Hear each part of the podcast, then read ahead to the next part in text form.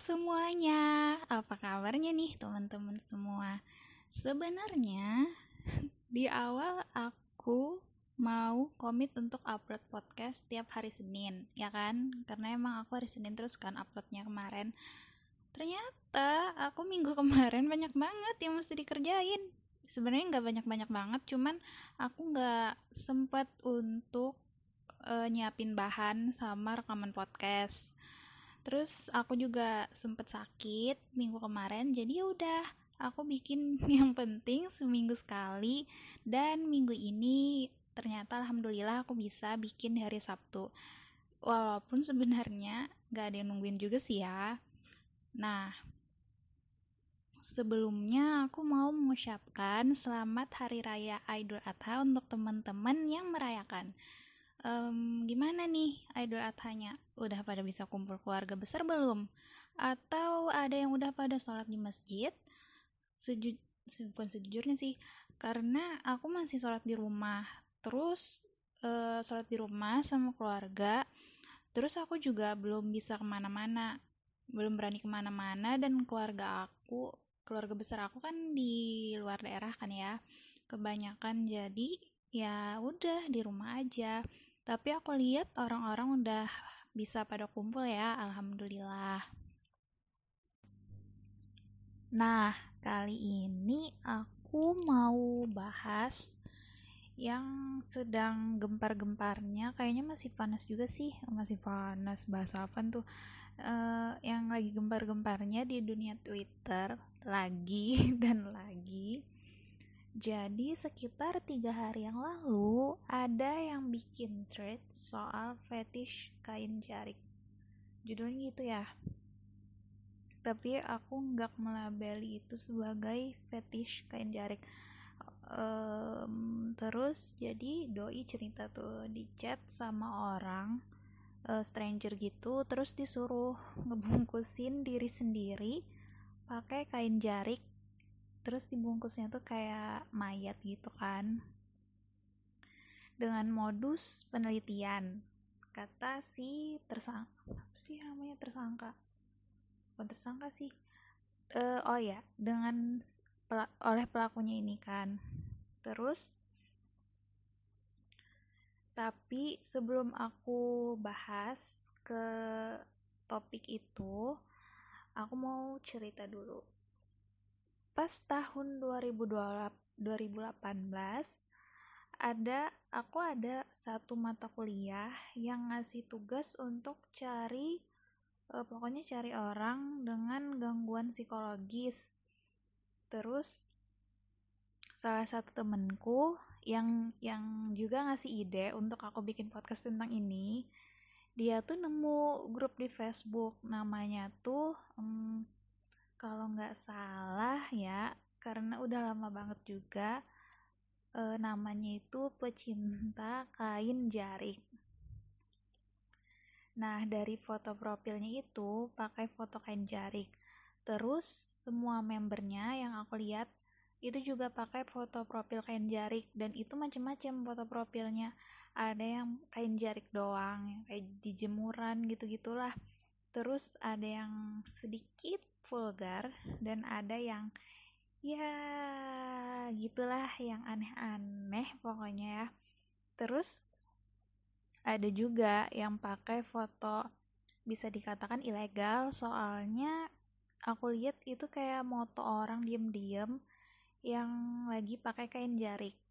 Nah kata temenku ini salah satu syarat kalau mau masuk ke grupnya itu kita tuh harus store foto kain jarik. Kalau nggak salah ya ini kan udah lama banget juga. Mungkin peraturannya berubah dan grupnya itu nggak cuma satu doang. Kayak banyak banget dan yang aku lihat itu grup yang anggotanya anggota membernya itu udah 600an gitu. Terus kata temanku eh, dia kan ngambil eh, dia ngambil penelitian di sana terus dia nanya-nanya gitu kan alasan orang tuh kenapa kok bisa punya ketertarikan secara seksual sama kain jarik dan ternyata alasannya emang macem-macem. Nah yang jadi penelitian temenku ini bilang kalau dia tuh tertarik karena uh, ketika cewek itu pakai kain jarik itu kan biasanya ketat ya nah itu yang bikin dia jadi turn on gitu. Jadi teman-teman sebenarnya yang kayak gini yang kayak gitu tuh udah ada sejak lama. Dan emang macem-macem sih kalau kalian kalau kalau kalian tuh punya waktu luang bisa tuh dicoba search yang aneh-aneh. Yang kalian pikir tuh gak ada dan gak mungkin di dunia ini dan aneh banget. Tapi ternyata ada aja dan ternyata banyak yang melakukan hal tersebut gitu.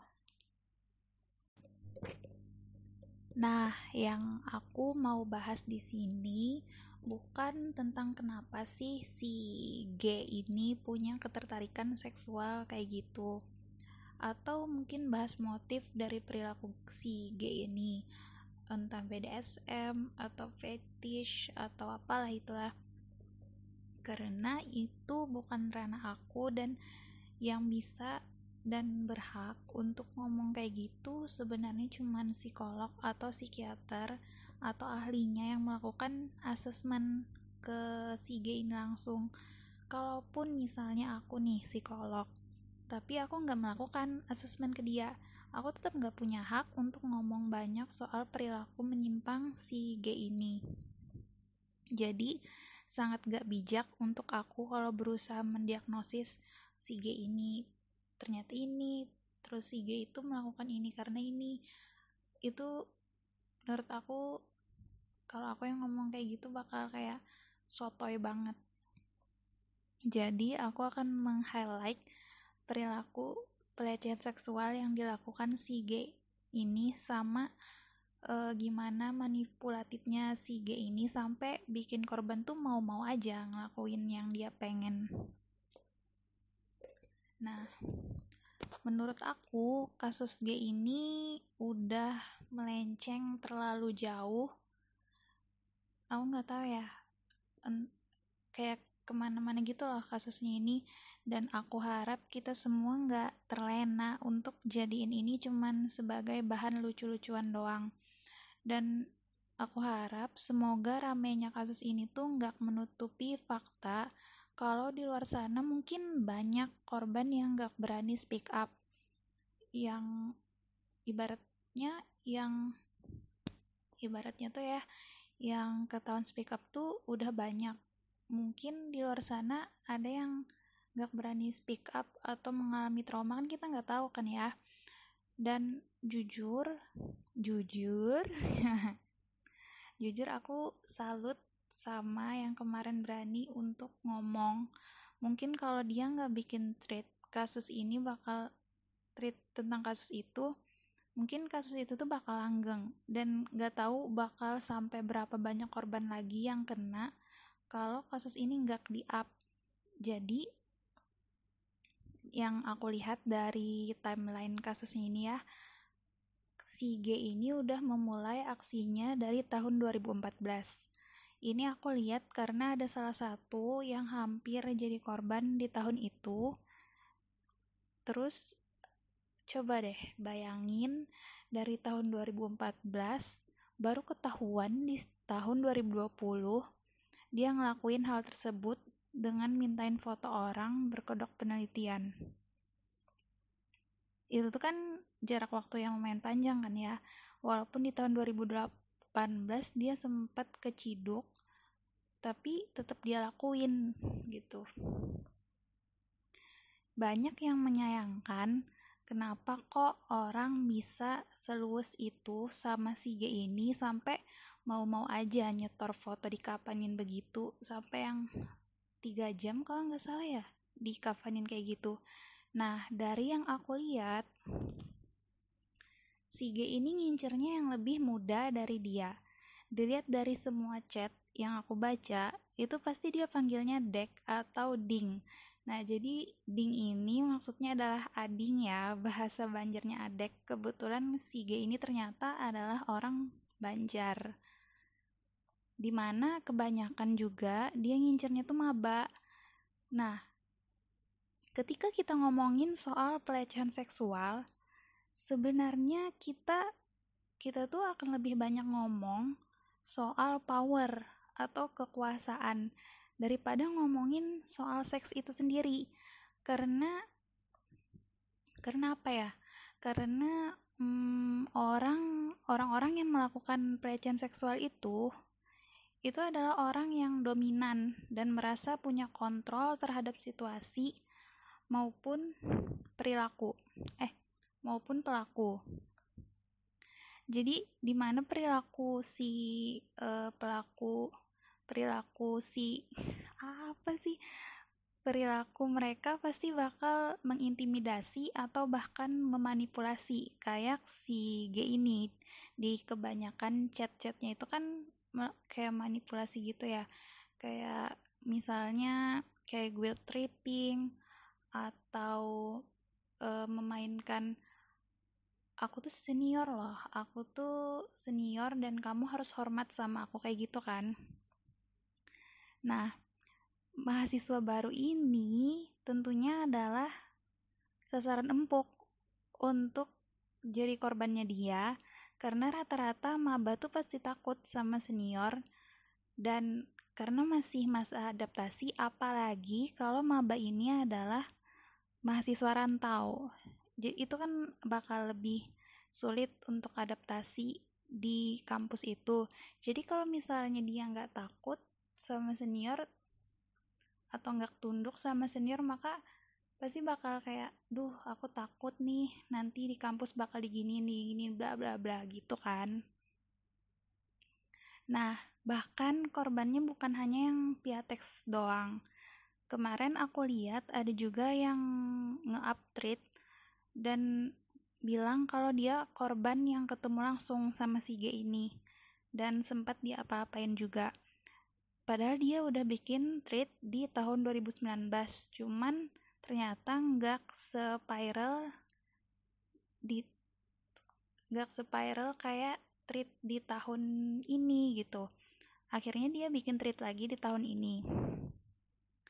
Nah, yang bikin korban jadi iya-iya aja karena si G ini punya kuasa dan pinter memanipulasi keadaan dalam kasus-kasus pelecehan seksual itu emang manipulasi itu nggak pernah lepas dari ini. Kayak yang aku bilang tadi kan entah itu guilt tripping membuat si korban menjadi merasa nggak enak atau merasa bersalah. Terus kalau di kasus G ini kayak dia kan e, bilang bahwa kalau misalnya si korban nggak mau melanjutkan Eh, nggak uh, mau melanjutkan apa yang dia pengen maka dia akan kambuh sakitnya. Dan itu kan jadi bikin si korban merasa bersalah dan merasa bertanggung jawab karena di awal dia udah ngiyain kayak gitu kan. Nah terus dalam pelecehan seksual itu juga pasti terjadi permainan kuasa kayak gitu loh. Memainkan kuasa nah si G ini memainkan kuasa dia sebagai senior yang harus dihormati dan dipatuhi. Yang aku mau bilang adalah untuk kalian cek lagi ketika kita diminta untuk jadi subjek penelitian orang lain. Nah, biasanya kalau di psikologi ya, kalau biasanya yang hmm, yang aku temui dan aku pun melakukannya, biasanya penelitian itu pasti ada kesepakatan atau yang namanya informed consent.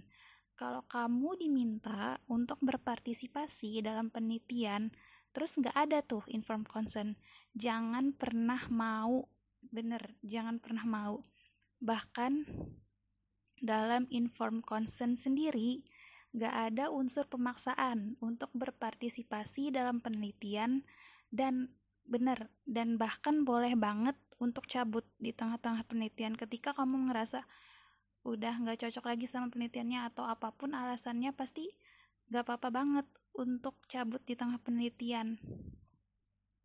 Dan ketika penelitian itu sendiri melibatkan manusia, maka wajib banget untuk lulus kode etik dulu sebelum penelitian itu diperlakukan ke manusia. Nah, pertanyaannya, penelitian yang katanya yang dilakukan si G ini kan sampai bikin sesak nafas gitu. Jadi gimana tuh ceritanya? Bisa lulus seba, e, diperlakukan ke manusia kan itu kan secara common sense udah nggak wajar kan ya jadi ingat ya harus minta informed consent dan baca benar-benar terus.